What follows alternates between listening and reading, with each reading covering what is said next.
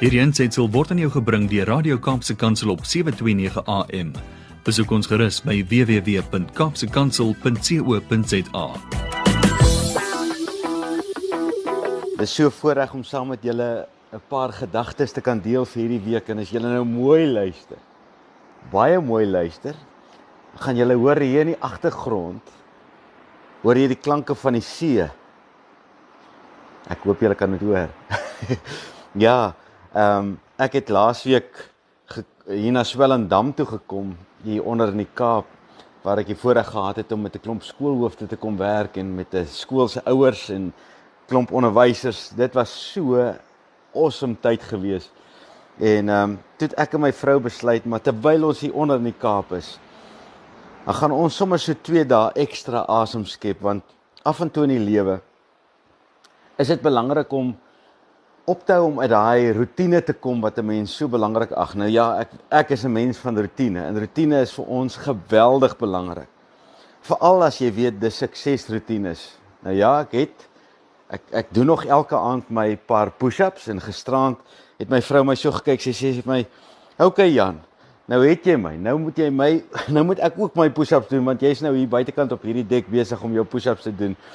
Want dit was so lekker ons het langs die strand gaan stap en um, bietjie gesels en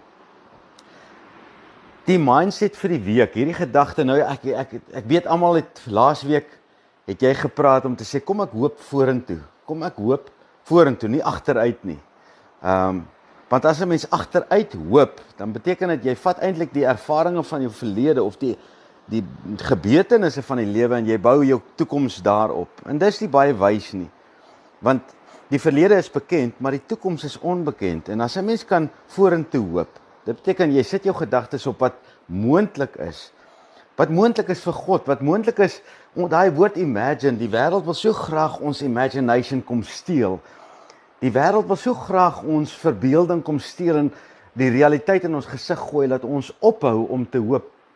Nou dit is die sleutelelement van geloof is hoop. En as ons nie meer kan hoop nie, dan het ons ook nie geloof nodig nie, want in Hebreërs 11 vers 1 staan daar geloof is om seker te wees van dit wat jy hoop, 'n vaste oortuiging van dit wat jy nog nie kan sien nie. Nou ja, ek hoop elkeen van julle het vorentoe gehoop en dat ons almal se hoop in 'n groot bondel energie en verrassings gaan ontaard in ons toekoms en dat ons met mekaar gaan gesels iewers waar ons mekaar ontmoet waar ons hoop by mekaar gekom het. En daai mense wat hulle hoop verloor, wat hopeloos is, hulle hulle kom by mekaar. Dis eintlik maar die wêreld se realiteite. Ehm um, daar's daar's 'n plek wat hulle daai hopeloosheid noem en dit is die begrafplaas. Dit is waar daar nie meer hoop nodig is nie. Nou niemand van ons gaan nou soontoe nie. Ons gaan in die toekoms in vol hoop en ons gaan mekaar iewers nog ontmoet en lekker gesels hieroor. Nou vir hierdie week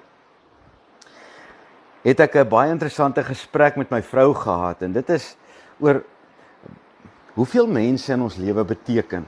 Ons raak so familier met mense in ons lewe. Veral mense naaste aan jou. Ek kan onthou destyds toe ek en my vrou op 'n baie baie slegte plek met mekaar was en ons het geveg in hierdie huwelik en elkeen het probeer om sy posisie te behou en elkeen het probeer om sy plek te belangrik te maak en ons het die hele tyd teen mekaar gewerk. Ons het nie as 'n span saam gewerk nie. Ek kan onthou hoe hoe eintlik wou ek glad nie raak sien wat is die eienskappe van my vrou nie, want as ek daai eienskappe raak sien van wat sy is, dan moet ek haar mos anders hanteer. Dan moet sy mos waarde vir my hê. En ongelukkig is die realiteit van soveel families waarmee ek werk is dat ons so familier raak met mekaar Dit beteken jy is so die heeltyd in my gesig dat ek jou nie meer ag as belangrik nie. Want as ek jou belangrik ag, dan moet ek jou ook hanteer met daai agting wat ek vir jou het. En hoeveel families spat uit mekaar omdat ons nie kan agting hê vir mekaar se absolute giftings, die gawes wat die Here vir ons gegee het nie. Ek weet daar is soveel families waar Jy deel eintlik niks van jou sukses nie, want jou sukses word 'n bedreiging vir iemand anders in jou familie. So jy kan dit nie deel nie. Jy deel hierdie sukses, jou jou genot, vreugde, dit wat goed is, deel jy liewer met vreemdelinge. Want jy wil net nie dat die mense in jou eie huis minder waardig voel as gevolg van dit nie. En ongelukkig verloor ons agting en respek vir mekaar in die mense wat die belangrikste in jou lewe is. Die mense waar saam jy met pad moet stap, daai mense wat ons is 'n span, ons moet mekaar optel. Nie aftrek nie, optel. Hoeveel families kan mekaar later nie meer optel nie. Hulle trek mekaar eintlik maar net af want die een moet net nie belangriker wees as die ander een nie. En destyds toe ek en my vrou in so 'n moeilike plek was, sit ek eendag in die kerk en die predikant vra die vraag: "Who are people to you? Wie is mense vir jou?" En hy sê toe, "And who are the person closest to you for you?" En ek het daar gesit en ek het gewonder, "Wie is my vrou vir my?" En terwyl ek na aan haar dink vanuit daai perspektief af. Besef ek my vrou bring aan my lewe 'n totaal ander sienswyse, 'n totaal ander ervaring van lewe. Daai een wat ek eintlik te bang is om te sien, wat ek vermy om te sien. Sy bring daai kant vir my.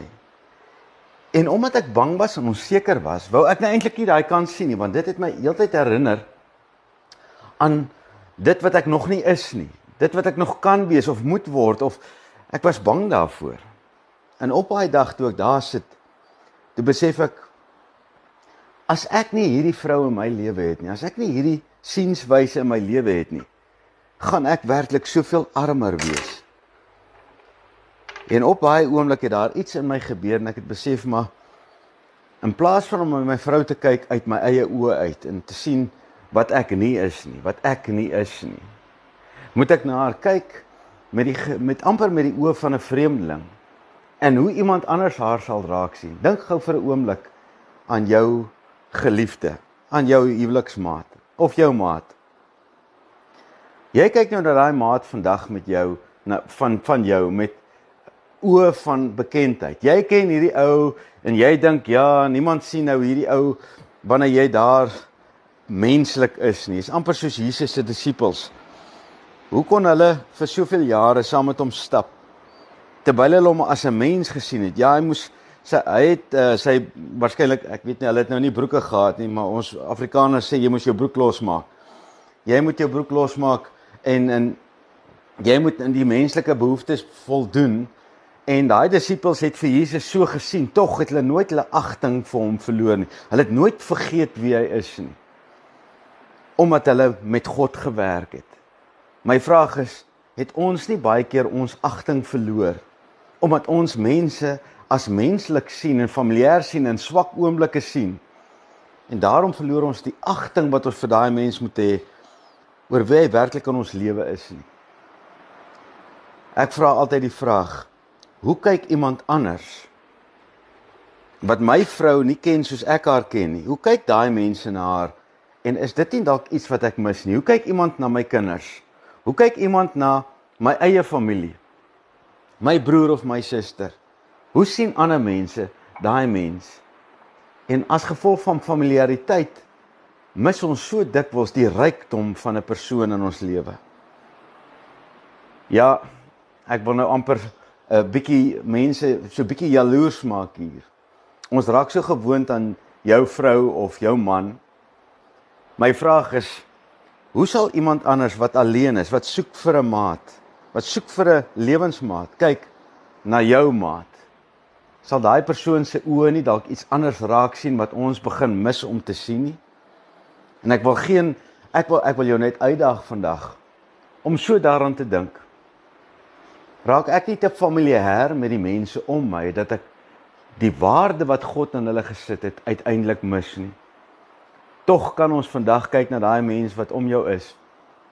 En as jy net met 'n ander oë, dit beteken jy jy jy skakel net daai oogknoppie van jou brein aan en sê ek wil vir 'n oomblik met ander oë na hierdie persoon kyk. En in plaas van om vanuit my eie perspektief na daai persoon te kyk en te sê ag ek ken hom, ek ken haar. Hulle is altyd so besig. Hulle doen dit, hulle doen dit. Wat daarvan? Jy kyk met 'n vreemdeling se oog na die maat om jou of die kinders om jou of die mense in jou lewe en jy sê kom ek vat die rykdom en ek gaan sit met daai persoon en gesels en ek vat die rykdom van daai perspektief in my lewe in. So my gedagte, my uitdaging vir julle vir hierdie week is haal die oogklappe van familiariteit van jou oë af. Kyk met nuwe oë na die mense om jou. Kyk met nuwe oë na die mense in jou lewe. En in plaas van om die armoede raak te sien want dit is nie 'n bedreiging vir jou nie. Wat daarvan jy sien die rykdom van daai mense raak en jy prys en loof die Here dat daai mense deel kan wees van jou lewe. En ek wil afsluit en vir julle sê, jy weet, die meeste mense gaan na hulle graf met spyt. Baie van ons lewe ons lewe met spyt want soms gaan daai persoon weg. Vir soms verdwyn daai persoon, soms sterf daai persoon en jy het nooit die rykdom van daai persoon gewaardeer of geken nie omdat jy te familier was. Vat hierdie week en maak tyd, gaan kyk na die mense om jou met ander oë.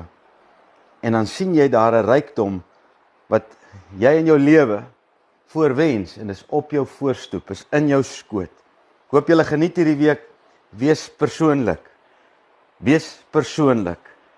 En haal die oogklappe van familiariteit af en kyk met ander oë na die mense om jou. Hierdie aansetsel is aan jou gebring deur Radio Kaapse Kansel op 729 AM. Besoek ons gerus op www.kaapsekansel.co.za.